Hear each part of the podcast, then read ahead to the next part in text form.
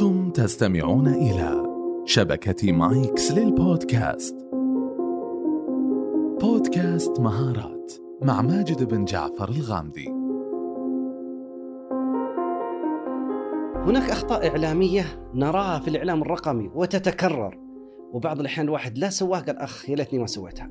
لا الأعظم من هذا نجيد انتقاد منصات الرقمية والصفحات الرقمية للآخرين ولكن لأنفسنا قد لا ننتبه. دعونا في هذه الحلقة؟ نستعرض بعض الأخطاء في عالم الإعلام الرقمي.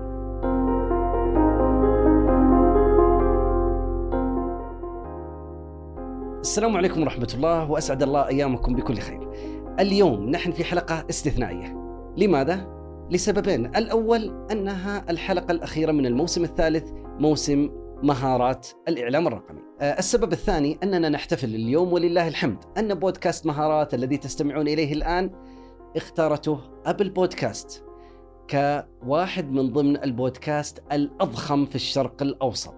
ولله الحمد اليوم سعيدين بهذا النجاح الذي حققه بودكاست مهارات. وصلنا إلى استماعات مليونية بتوفيق رب العالمين. شكرا لكم أنتم على استماعكم على حرصكم على نشركم الحلقات. شكرا لشبكة مايكس التي تقوم على هذا البودكاست. شكرا لفريق الإعداد الذين هم خير عضيد آه، لي. وبين يدي هذا الدرع الذي سعيد بوجودك فعلا أنا أهدي لكم أنتم من صنع هذا النجاح فشكرا لكم جميعا. نبدأ إن شاء الله تعالى في حلقتنا عن أخطاء في عالم الإعلام الرقمي. بعض الأحيان يقولون عرفت الشر لا للشر ولكن لتوقيه ومن لا يعرف الشر من الخير يقع فيه.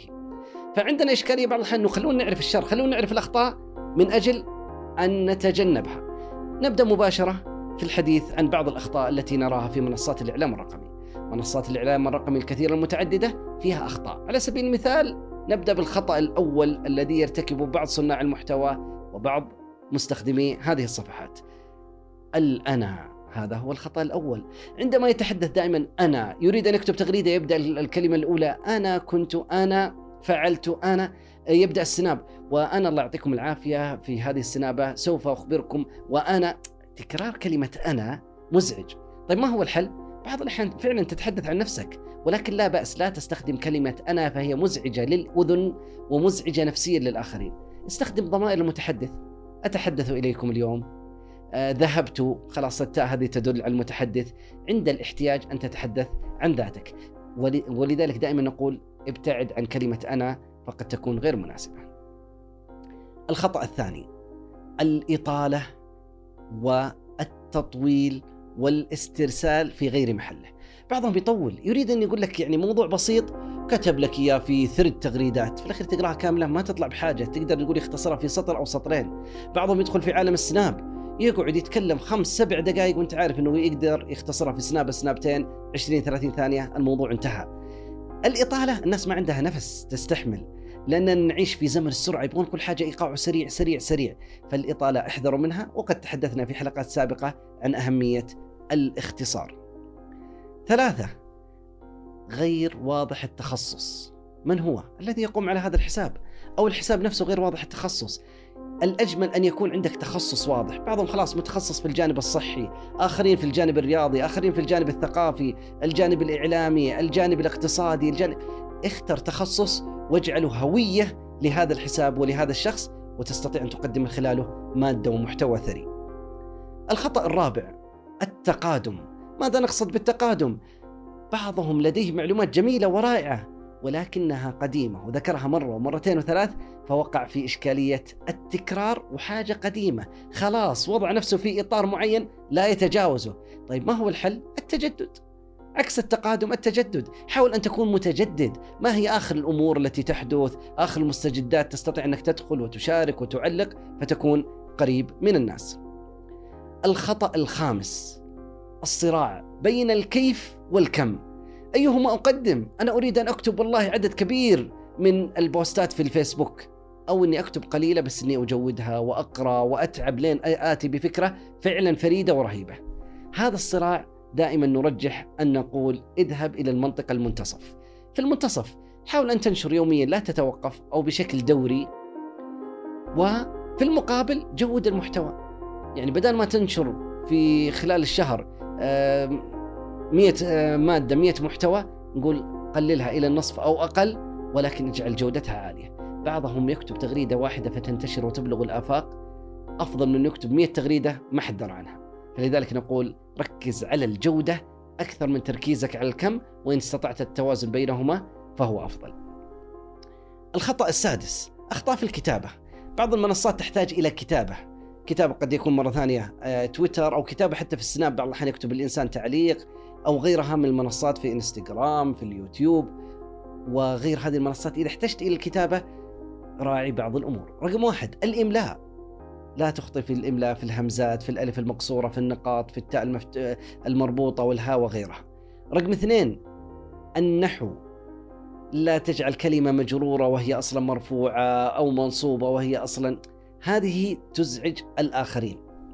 رقم ثلاثة راعي علامة الترقيم حتى يعرف اللي أمامك كيف يقرأ هذه العبارة التي كتبتها. أمر آخر أيضا فيما يتعلق في الكتابة هي الصياغة. الصياغة ثم الصياغة ثم الصياغة. هنا مقولة جميلة يقولون الحشو هو آفة الصحافة. والآن نحن في زمن الإعلام الرقمي نقول الحشو هو آفة الإعلام الرقمي. الحشو في معلومات بعض الأحيان ما لها سنع ما تهم اللي قدامك. فلذلك إذا كان يتابعك في ال Snap سوى skip skip ويتجاوز لأنه لا يريد أن يشاهد هذا الحشو ولا يريد أن يجد فيه أي معلومة فلذلك هو يتجاوزه. نفس القضية التغريدات ممكن يصل لمرحلة أنه إلغاء المتابعة لهذا الحساب. فابتعد عن الحشو وركز على الصياغة الجيدة. الخطأ السابع عدم التقييم الدوري ومراقبة أداء الحساب. تحتاج إلى تقييم دوري. هذا الشهر زاد عدد المتابعين. لماذا؟ لأني والله فعلت واحد اثنين ثلاثة هذه كلها صحيحة. لا والله نقص عدد المتابعين. لا والله عدد المحتوى الذي نشر كان أقل أو أكثر. كان جودته. هذه الأمور ومراقبة الأداء والتقييم الدوري مهم. أحد أفضل الطرق للتقييم الذاتي هي متابعة المنافسين. من هم في نفس المجال؟ ماذا يفعلون؟ فقد يكون لديهم أفكار إبداعية أستفيد منها ولا أقلدها حرفيا 100% ولكن أعرف ماذا يفعل الآخرين. هذه تعطيك نفس جيد في تطوير ذاتك وتطوير ما تقدم. استعرضنا معكم هذه السبعة أخطاء التي تقع في الإعلام الرقمي وهناك غيرها الكثير من الأخطاء التي تقع فابتعدوا عنها واحذروها. في نهاية هذا الموسم الموسم الثالث في مهارات الإعلام الرقمي أستودعكم الله وأتمنى إن شاء الله تعالى أن نلتقيكم قريبا في الموسم الرابع والذي سوف يكون بعنوان لن نذكره الآن ولكن ترقبوا. تحياتي. شكرا لكم للاستماع لحلقات الموسم الثالث من مهارات. لو عجبكم البودكاست لا تنسون تقيمونا على المنصة اللي تسمعونا منها. وأيضا تقدرون تتركوا لنا تعليقاتكم وردودكم في أبل بودكاست. وأخيرا يسعدنا مشاركتك للحلقة للناس اللي حولك اللي تعتقد أنهم بيكونون مهتمين بمحتواها. نلقاكم في الحلقة الجاية بإذن الله.